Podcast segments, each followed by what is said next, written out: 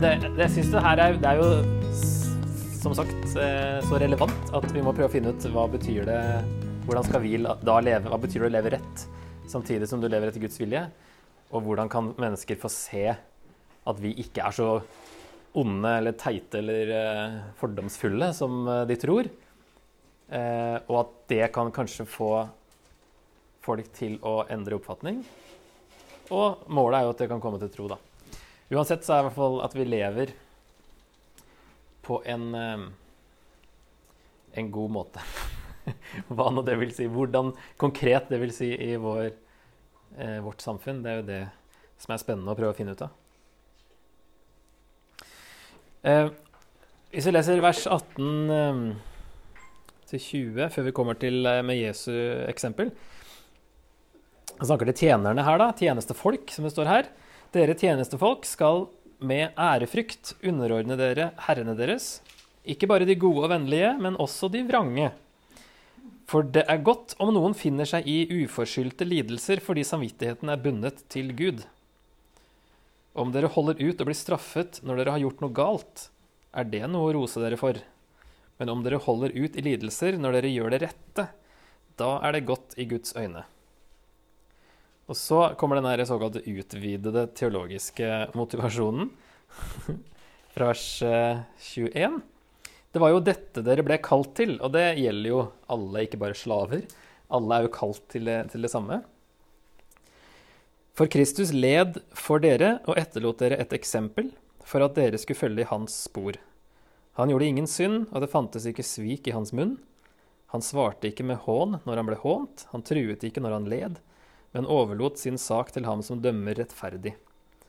På sin egen kropp bar han våre synder opp på treet, så vi skulle dø bort fra syndene og leve for rettferdigheten. Ved hans sår ble dere helbredet. Dere var lik sauer som hadde gått seg vill, men nå har dere vendt om til ham som er hyrde og tilsynsmann for deres sjeler. Eh, Det var jo dette dere ble kalt til. Og eh, fire ganger i brevet så bruker han ordet 'kall' om frelsen. Og det gjør Paulus òg, som regel. Når det snakker om kall i Bibelen, så er det det å bli kalt eh, til å bli frelst. Um, så det er på en måte et synonym, som regel, da, til frelsen. Og det å lide er noe vi også er kalt til. Å følge Jesus i lidelser er en del av det å være frelst. Og vi er også kalt til å leve hellige liv som Jesus, også i lidelse. Og det er et sitat da fra Jesaja 53, 9 i vers 22 her. Han gjorde ingen synd, og det fantes ikke svik i hans munn. Så uansett motstand, så skal vi ikke synde eller si noe stygt. Han sier også senere mm, i 3.9.: Gjengjeld ikke ondt med ondt eller hån med hån. Nei, velsign heller, for dere er kalt til å arve velsignelse. Så han snakker om at vi skal ikke mm, si noe stygt heller når vi blir eh, Når vi opplever lidelse pga. Jesus. da. Følge Jesus i, i det òg. ja. Jesus brukte ikke ondt mot ondt i vers eh, 23. Han svarte ikke med hån når han ble hånt. Han truet ikke når han led, men overlot sin sak til ham som dømmer rettferdig. Så her er et eksempel vi skal etterfølge, da, sier han. Gjøre som Jesus. Og så vers 24. På sin egen kropp bar han våre synder opp på treet. Um, og det er et vers i Moseloven, 15 Mosebok 21-23, som sier at den som blir hengt opp på et tre, er forbannet av Gud. Så det virker som at når Peter her og Paulus òg, i Galaterne i hvert fall, snakker om at uh, Jesus ble hengt på et tre Korset var jo lagd av tre, men uh, her er liksom poenget, den linken til Moseloven. Eh, at Jesus oppfylte loven og tok på seg forbannelsen for å bryte den og gjøre alle rettferdige. Treet gir en dypere mening enn en korsfestelse pga. Moseloven. Um, bare for å nevne det. Hengt opp på et tre. Det er fortsatt korset, men det er et trekors. Så det er vårt eksempel. Å følge Jesus i lidelse òg. Og det var ikke så lenge siden at jeg underviste um, filipperne, og der uh, dukker det også opp Det her med at vi er kalt til å lide. Og da var det sånn reaksjonen i salen bare Hæ? Er vi kalt til å lide? Hva er det for noe?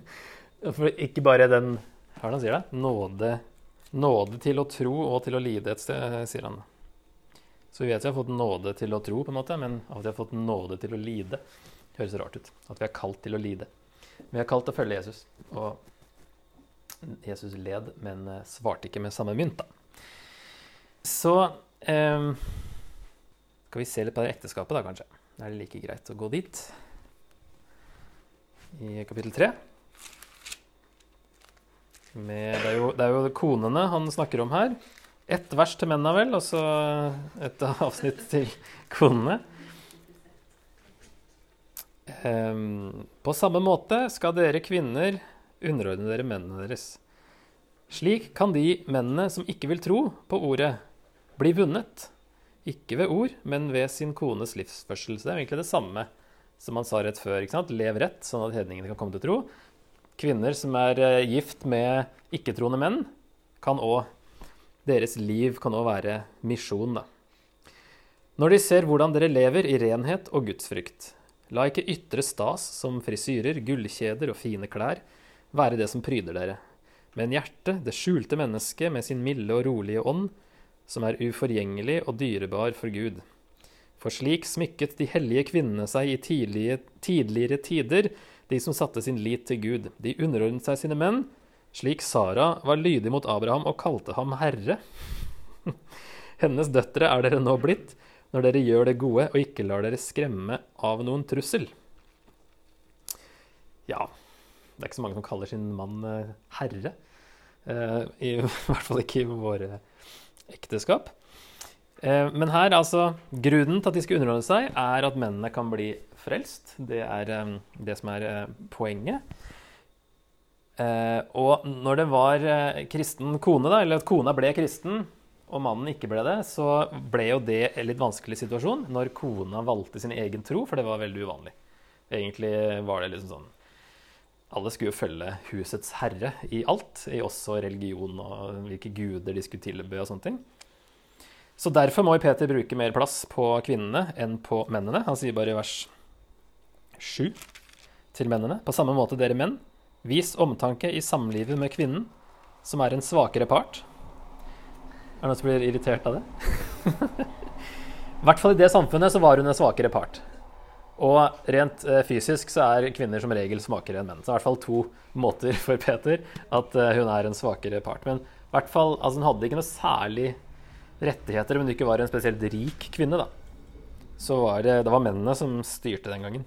Og det at Peter må si Vis omtanke i samlivet med kvinnen.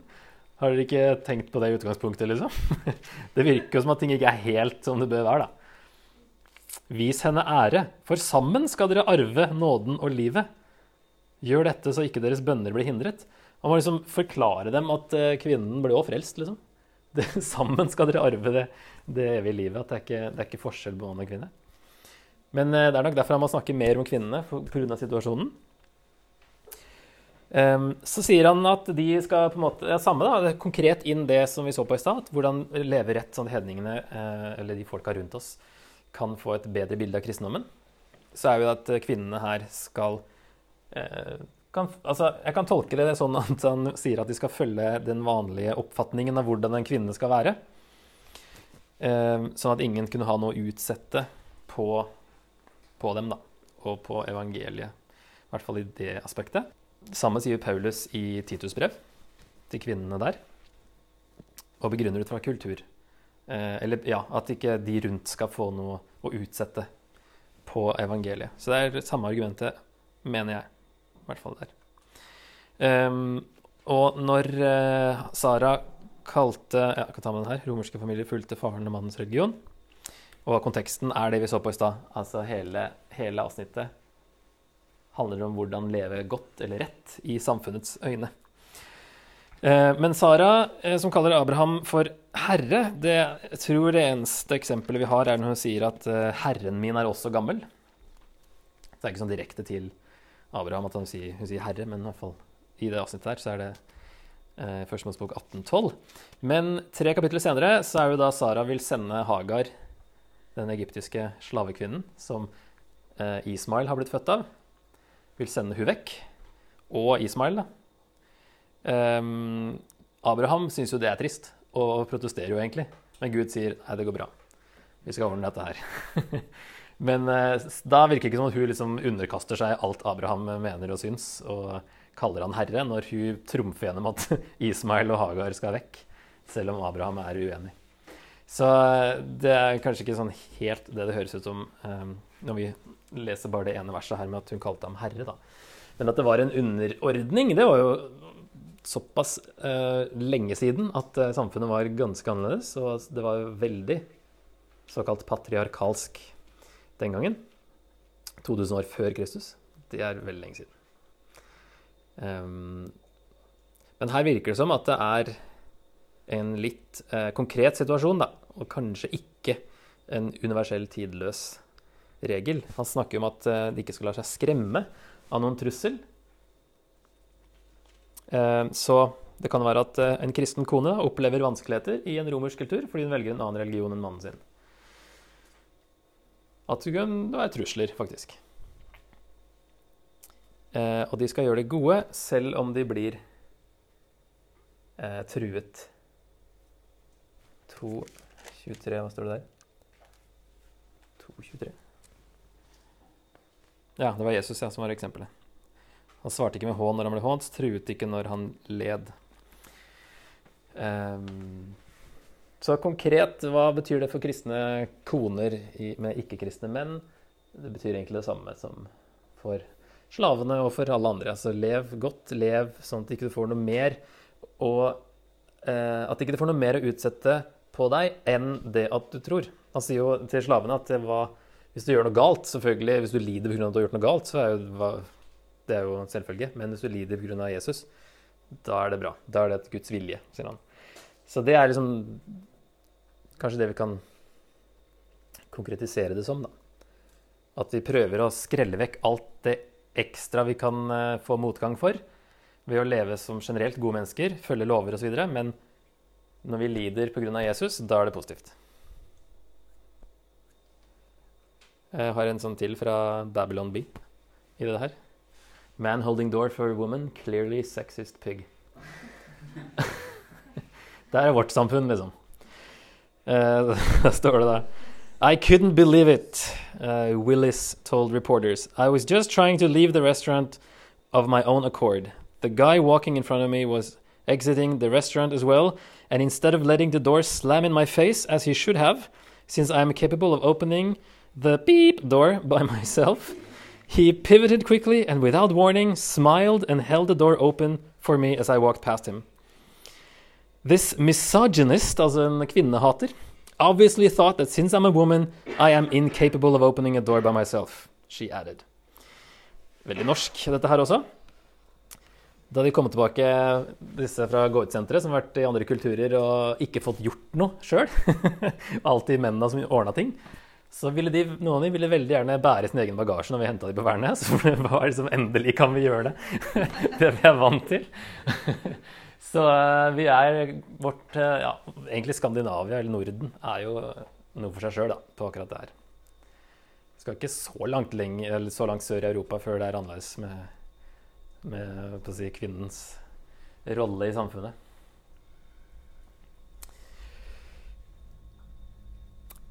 Ok, så kommer vi etter hvert til disse kjente apologetikkversene. Vi kan lese fra vers 13. Eh, 3.13.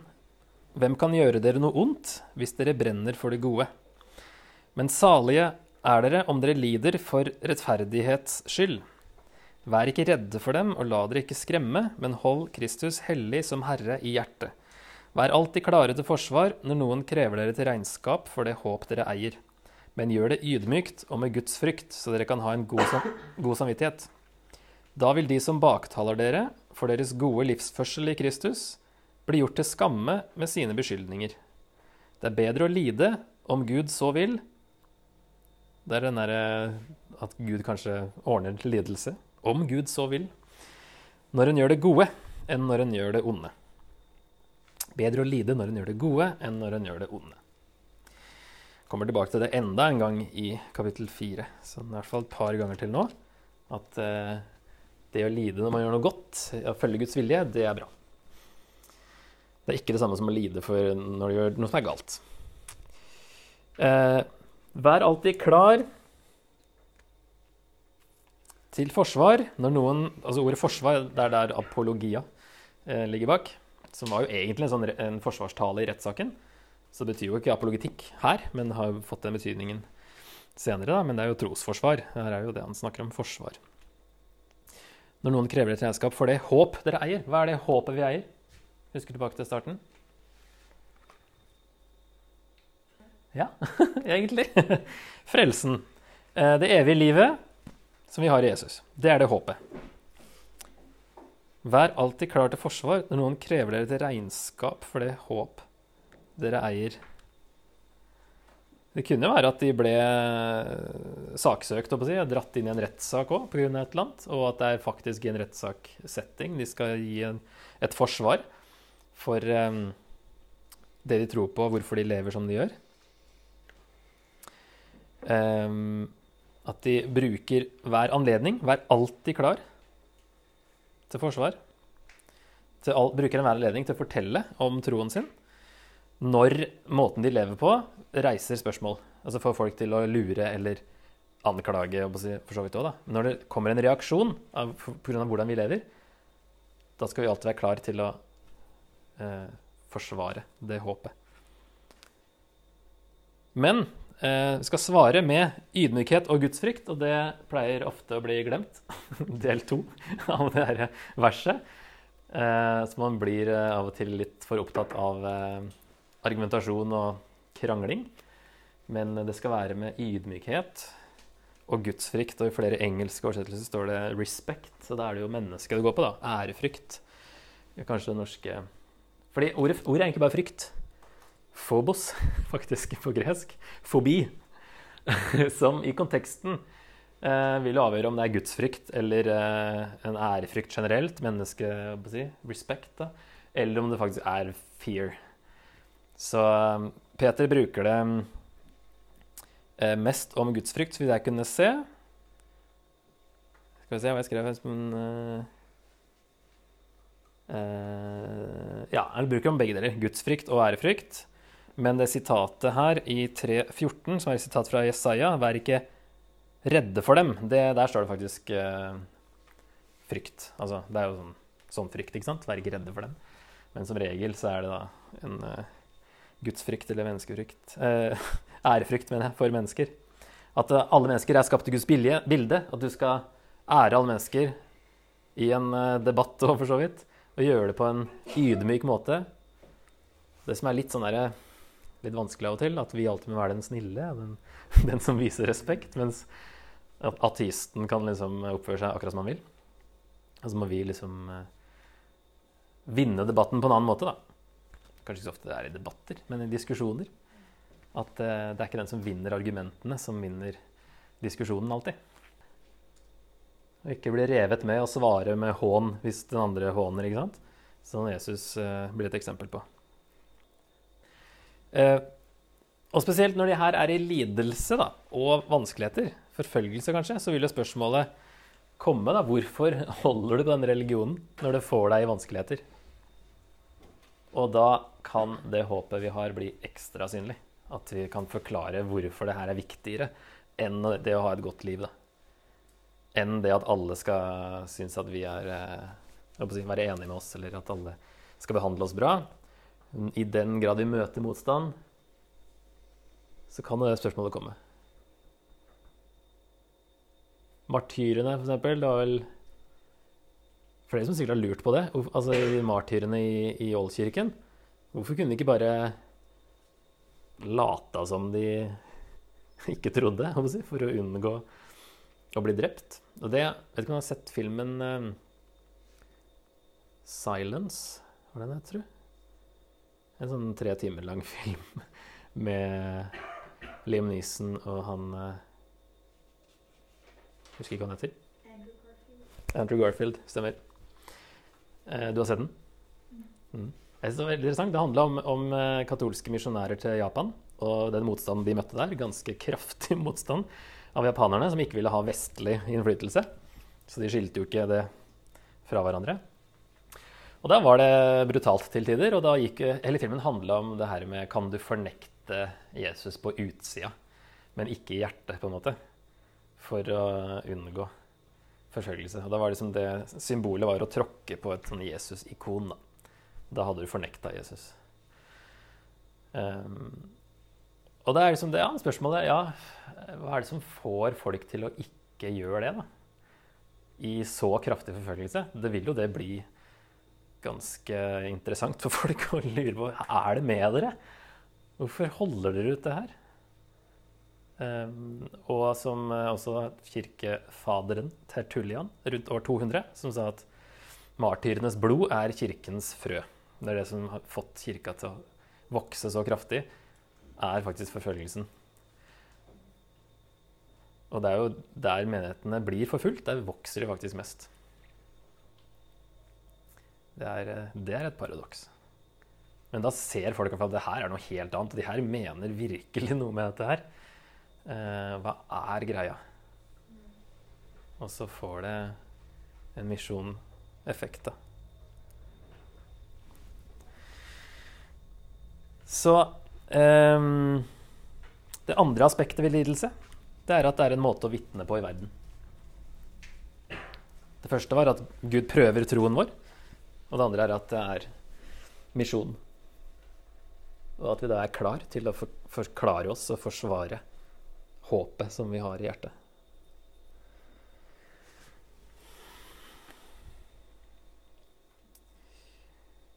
Så kommer vi til noen rare vers som jeg tenkte bare å komme med noen eh, tolkninger på uten å lande, for det har jeg vel ikke gjort. Um, dette med at Jesus forkynte for åndene som var i fangenskap. Vi skal lese fra vers 18.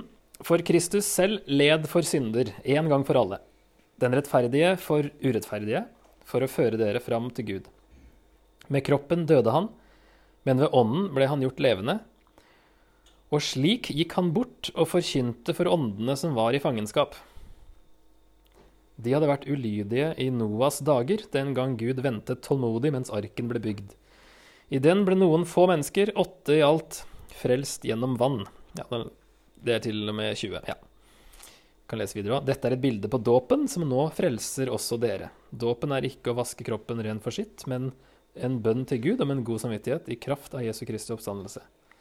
Han som for opp til himmelen og nå sitter ved Guds høyre hånd, etter at engler, myndigheter og makter er underlagt ham. Veldig eh, rare vers, egentlig, det her. En eh, tolkning kanskje den det høres uh, mest, si, mest, innlysende fra, fra med første lesning, er at Jesus forkynte sin seier og dom for de falne englene fra første Mosebok 6, altså på Noas tid. Uh, det er en henvisning der til 2. Peter 2,4.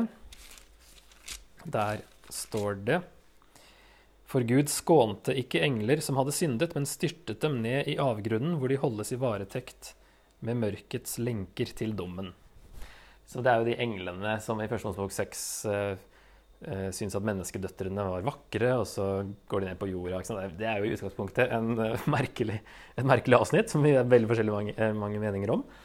Um, men i så fall så er hensikten med Peter, da, Peters hensikt er at Jesus er over alle makter. Vi trenger ikke frykte de onde maktene som inspirerer dem som forfølger dem. Fordi det her var eh, i hvert fall en tanke utover, var at de her eh, englene eh, Sånn var det her, ja. Deres Eller om det var de englene, eller om det var det som var Jeg tror det var det, de eh, kjempene som var avkommet av den her engle- og kvinne... Menneskedøtrene. Eh, barna deres var disse kjempene, som på gresk var disse Eller gresk Ok, Homer har òg en sånn her merkelig sånn gudefall, ikke sant? der det blir sånne halvguder. Um, hva heter de? Heter bare helter? Si? Heroes? Ja, på gresk. Giganter er jo egentlig det, det som står i første Mosebok 6 på gresk. Så står det Kjempene er giganter, og det var vel det de kalte de, tror jeg. Så at, og så trodde man at når de døde den gangen, så levde ånden deres videre som, og ble til demoner. da. Og det er en sånn, Jeg har ikke studert det her nok til å uttale meg så veldig, men jeg bare kaster det ut. Om at, at det her er um, eh, de representerte og for så vidt hedenske herskere, visstnok. Så det er liksom litt diffus bakgrunn her, som kanskje man må se på. da. Um, og i jødiske skrifter så står det i noen av de at uh, altså sånn mellom GT og NT uh, tror Første Enok er en veldig sentral bok her på det her. Hvis det er noen som gidder å lese den. Jeg har hatt planer om å gjøre det lenge, men jeg får aldri tid. men den, det virker som Peter har lest den, da, siden han henviser til noe av det samme her. Og at disse onde åndene ble holdt i fangenskap. Eh, snakkes om der òg. Eh, men så høres det ut som det er etter oppstandelsen det som er litt sånn rart, hvis det er en kronologisk rekkefølge her, da, at uh, slik gikk han bort. Det står egentlig i ånden, eller Det blir teknisk. Ved ånden ble han gjort levende, og i denne gikk han bort og forkynte for åndene som var i fangenskap. Det er egentlig det det står. I denne, altså i Den hellige ånd, gikk han bort og forkynte. Så det høres ut som det skjer etter at Jesus har stått opp igjen.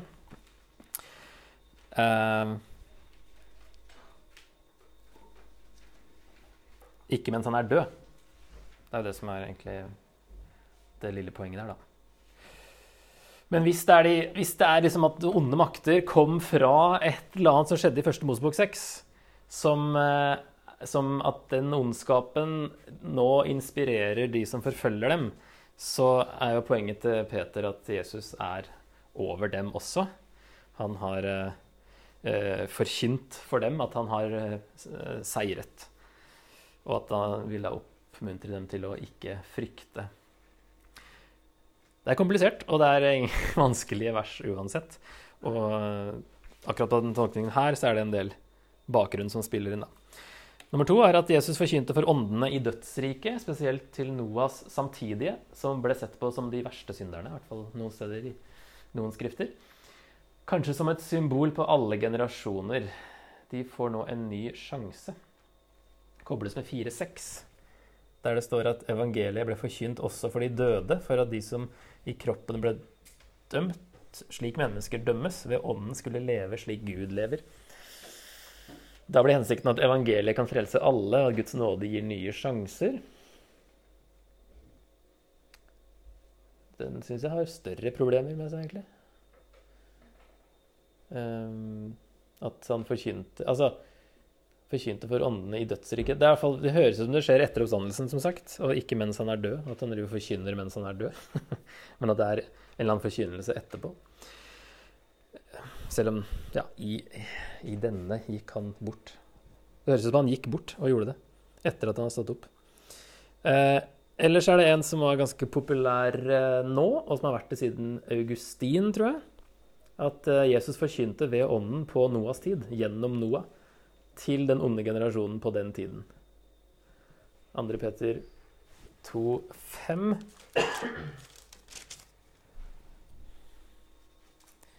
Heller ikke skånte han den gamle verden, bare Noah, rettferdighetens talsmann, og sju andre ble beskyttet da Gud førte storflommen over de ugudeliges verden. Rettferdighetens talsmann, det er vel det kanskje da som er linken der. At eh, Gjennom Noah så forkynte Jesus ved ånden. Og da i så fall vil hensikten kanskje være forkynne evangeliet uten frykt, som vi så på i stad i 3.14. Um, ehm, det er en veldig jordnær tolkning, det siste. da. Ikke så merkelig at Jesus um, forkynte gjennom Noah. Men det høres ut som han gikk bort. Det er det som er greia, da. Slik gikk han bort og forkynte for åndene som var i fangenskap. Det høres jo ut som det er noe som har skjedd for lenge siden. Sånn, For det ordet står der. Han gikk bort. Det er et ord i, i fortid. Det høres ut som det skjer etter oppstandelsen og ikke før inkarnasjonen. Så. Da er det tre stykk. Kanskje dere kan komme på flere òg. Men det er i hvert fall de tre um, største, eller vanligste, måtene å se det på, tror jeg. Uh, bare for å ta det her med at, at, slik ble det forkynt Derfor ble evangeliet forkynt også for de døde. Eh, hvis vi ser på verset før, så står det at eh, de skal avlegge regnskap. Det er 4-4, altså. De skal avlegge regnskap for ham som står klar til å dømme både levende og døde. Derfor ble evangeliet forkynt også for de døde. Det kan være bare de som er døde nå, som var levende før. Jesus kom hjem for å dømme levende og døde. De som er døde nå, når Peter skriver, de har òg fått evangeliet forkynt. På en eller annen måte. Hvis det er veldig lenge siden, så er det jo før Jesus. Men det, trenger ikke være en link til at Jesus gjorde noe mens han var død i dødsriket.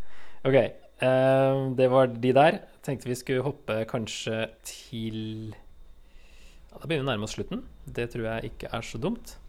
Bare en liten uh, rask en her. Han gir noen råd for endetiden. I vers 7 til 11. Slutten på alle ting er nær. Vær derfor sindige og edru, så dere kan be. Det er den første. Eh, framfor alt skal dere elske hverandre inderlig, for kjærligheten skjuler en mengde synder. Så elsk hverandre. Vær gjestfrie mot hverandre uten å klage. Tjen hverandre, hver og en med den nådegave han har fått. Som gode forvaltere av Guds mangfoldige nåde. Det er ikke så spennende ting, men dette er liksom Slutten på alle ting er nær. Det er fordi Jesus hadde kommet, så er slutten på alle ting nær. For det er det siste som skulle skje. Så har den slutten blitt litt lang, men uh, det, er, det, er, siste time når Jesus kan komme igjen når som helst. Inntil da så mener Peter det her er det viktigste. Be, elsk hverandre, vær gjestfrie og tjen hverandre med nådegavene. Veldig generelle, gode ting som uh, Ja, det er kanskje verdt å få med seg. Eksemplene han trekker fram, er bare to. Den som taler, skal se at han taler som Guds ord. Den som tjener, skal tjene med den styrke Gud gir. Slik skal Gud i ett og alt bli æret ved Jesus Kristus. Så det virker som han kanskje bruker et eksempel fra altså en sånn Kall det en åndelig Veldig smør på flesk. En åndelig nådegave. For en åndelig spiritual gift, som det heter på engelsk. Men en sånn, altså tale er en sånn det som vi kanskje vil se på som en åndelig ting, da, mens det å tjene er en uh, helt uh, jordisk ting. ikke sant? Så han kanskje bare bruker et eksempel fra hver og sier at uh, uansett om du gjør det, eller om du gjør det, så gir Gud ære. Tal som, som Gud ville, hvis du holder en, en tale. Tal som Guds ord. Og den som tjener, skal tjene med den styrke Gud gir. At du gjør det liksom ved Guds kraft, og du gir Gud ære uansett da, med nådegave. Så Paulus har jo forskjellige lister når han snakker om nådegaver. som Det er tydeligvis da ikke en standardliste som kommer hver gang hos Paulus heller. Han ramser opp tilfeldige, eller kanskje mer eller mindre tilfeldige ting. Mens her nevner Paulus, nei, Peter bare to. Som kanskje er representative, da. Jeg syns det er veldig bra det som kommer fra vers 12, så det eh, må vi lese. For der kommer han tilbake til det her med grunner til å lide, da, hva som er bra og hva som ikke er så bra. Mine kjære, vær ikke forundret over den ildprøven dere må gjennom, som om det hendte dere noe uventet. Gled dere jo mer dere får del i Kristi lidelser, så dere også kan juble av glede når Han åpenbarer seg i sin herlighet. Salige er dere når dere blir spottet for Kristi navns skyld. For Guds ånd, herlighetens ånd, hviler over dere. La det bare ikke skje at noen av dere må lide straff for mord, tyveri eller annen ugjerning, eller for å ha blandet seg opp i andres saker. Men lider noen fordi han er en kristen, skal han ikke skamme seg, men prise Gud for dette navnet. Faktisk én av tre steder ordet 'kristen' står i Nytestamentet. Um, bare her, og så er det to ganger i Apostelens gjerninger, der det egentlig er Det er jo motstanderne som begynner å kalle de kristne, virker det som, for kristne. Altså Kristus, eh, Kristuser. Småkristuser. Um, og og så er det i en av de rettssakene som Paulus er i, at han, han eh, Er det kong Agrippa, tror jeg, eller en av de guvernørene, som sier at det er like før du overtar meg til å bli en kristen. Så det er liksom bare de to stedene. Egentlig ganske nøytrale ting. Og så er det Peter som sier her at uh, lider noen fordi han er en kristen, skal han prise Gud for dette navnet. Så det er det, hva som, altså det, Hvis vi lider pga. Jesus, da er det positivt. Lider vi pga. at vi er dårlige mennesker og ikke følger loven osv. i landet, det er ikke positivt. Så det er helt naturlig, sier han. Vær ikke forundret. Som om det hendte dere noe uventet når dere lider. Vi skal glede oss i stedet. Juble. Salige er dere når dere blir spottet for Kristi navns skyld. Det sa Jesus òg. Hopp av fryd når eh, dere, dere eh, Folk eh, behandler dere dårlig pga. meg. Så det er ikke noe galt med noen. Altså, eh, det er, man kan tenke at det er noe galt med oss når vi lider. Altså, det er den herlighetsteologien som var veldig stor på 80-tallet og sånt. Med eh, er liksom, Jo mer suksess du hadde i livet ditt, jo, jo sterkere tro viste det, liksom, mente man. Og det er fortsatt noen som mener det. At, eh, det men Nytestamentet er jo så full av at lidelse Apostlene lider jo hele tida. Og vi er kalt til å lide. Og så klarer man likevel å snu det såpass til at hvis du har ordentlig tro, da har du bare seier. liksom. Ingen eh, motgang. Mens det er egentlig helt motsatte. I ja, Apostelens gjerninger òg, så um, Første gang de har vært inne i en sånn uh, rettssak, og de blir jo piska, faktisk òg. Er det kapittel fem, det òg? I hvert fall de jubler over at de var kalt, uh, eller funnet verdige uh, etter at de har vært inne til et forhør, og blir da piska i tillegg. Likevel så jubler de når de kommer ut. Fordi de blir funnet verdige og får samme behandling som Jesus. da. Så er det noen som har tenkt liksom at nei, vi vil ikke bli kalt for kristne, vi kaller oss for noe annet. liksom Jesu etterfølger eller disippel eller noe sånt, fordi kristne har blitt så negativt lada ord. Men her, her syns jeg er ganske bra han sier det. At hvis noen lider for heter, eller blir kalt for en kristen, så skal vi, skal vi fryde oss.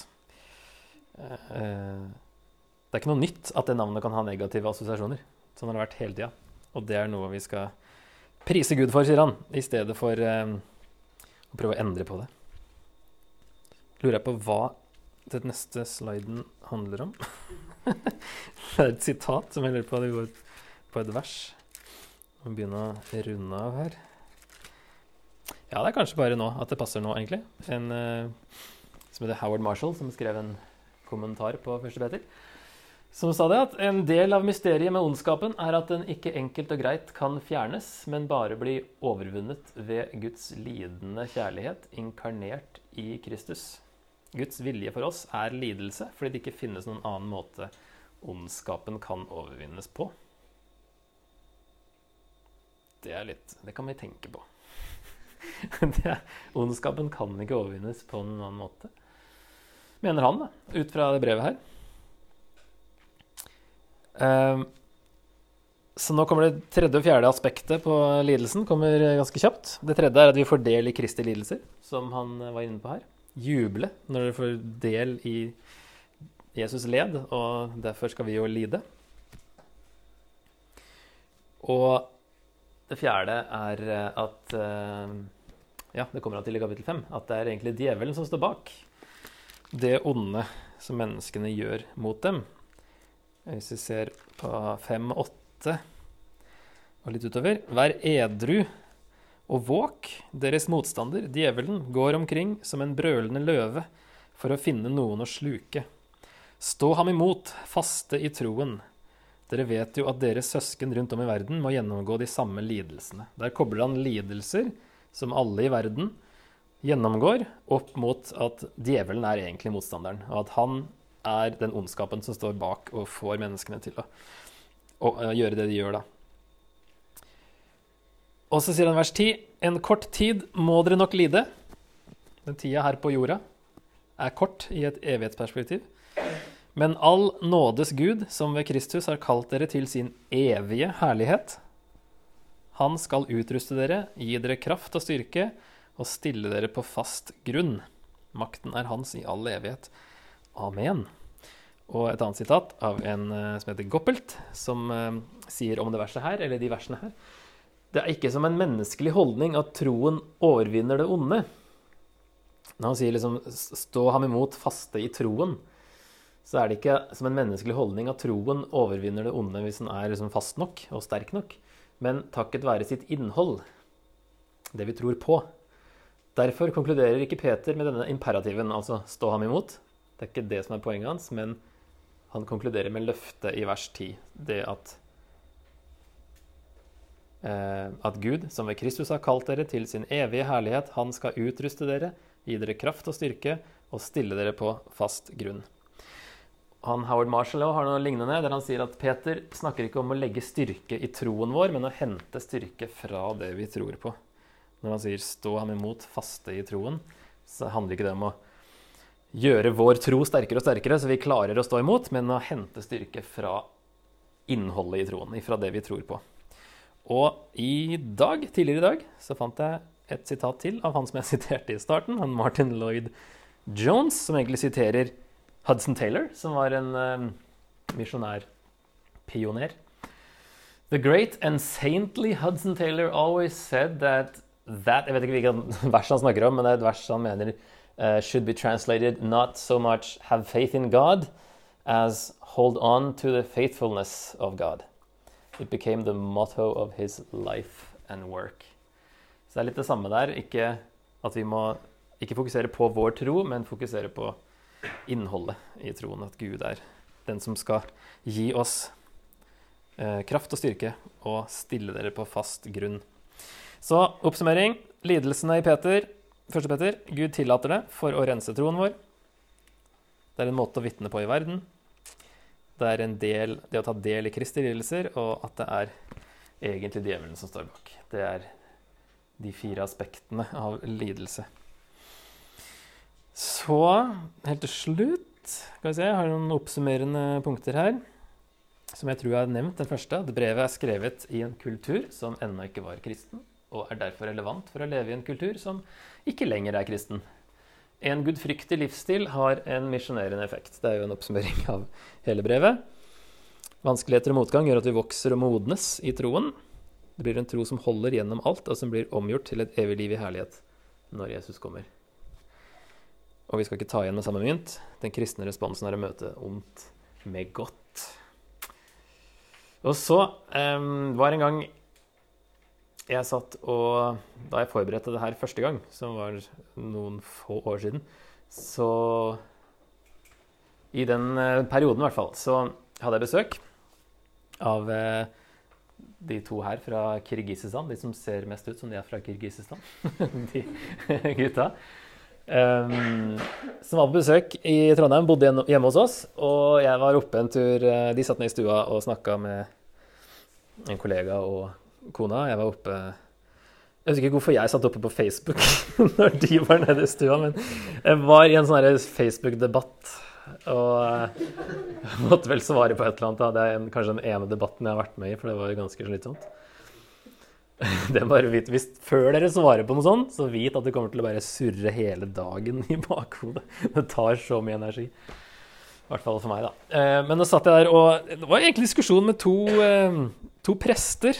Og jeg følte jeg måtte forsvare Jesus overfor to prester. Det var en ganske absurd eh, situasjon, følte jeg. Og så kom jeg ned igjen til stua, ned i stua, og der satt jo de og fortalte om hvordan det er å være kristen i krisestand. Eh, der de stryker, eh, i hvert fall på videregående og universitet, eh, stryker gjerne. Altså lærerne stryker dem. Enten fordi de ikke er villige til å bestikke lærerne. Der har de tatt et sånt valg om å prøve å motarbeide det. Så de kristne der, de bestikker aldri. Selv om det er veldig vanlig i kulturen.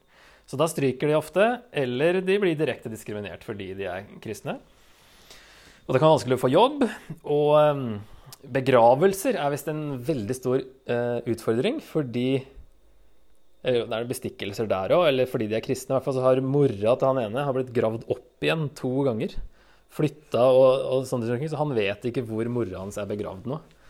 Fordi uh, ja, Nå husker jeg ikke helt situasjonen hva som var grunnen til det, men det var fordi de var kristne, i hvert fall, og fordi de da kanskje ikke ville bestikke noen, eller noe sånt. Men det er i hvert fall en diskriminering, selv om det ikke er forfølgelse. Og den kontrasten ble så absurd for meg at jeg kommer fra en debatt med to prester. Jeg forsvarer Jesus til de her som liksom lever i en helt annen eh, situasjon. Og så tenkte jeg bare at eh, Vi har det altfor godt og har altfor mye tid i Norge til å sitte og diskutere det greiene her. altså, vi trenger mer forfølgelse, tenkte jeg den gangen. For at troen skal bli prøvet, og at det kan bli klart hva det egentlig dreier seg om. At vi ikke sitter og holder på med tulleting som er bare sånn Ja, det ble så absurd i lys av det, i hvert fall. At vi trenger, jeg tror vi trenger å få skjerpa fokuset litt. Og derfor tror jeg kirka vokser der den forfølges, fordi det blir prøvd, og det blir mer fokusert. Så jeg vet ikke, jeg har noen minutter igjen. Eh, hva slags lidelser kan vi møte? Er vi villige til å lide? F.eks. miste status, bli latterliggjort eller diskriminert? Hvordan kan en slik lidelse være en prøving av troen eller et vitnesbyrd for verden? Eller har vi mistet håpet om sannelsen litt av syne? Lar vi dette prege livene våre slik Peter oppfordrer til? Altså oppstandelsen, det håpet vi har. Kjør debatt i noen minutter, og så slutter vi.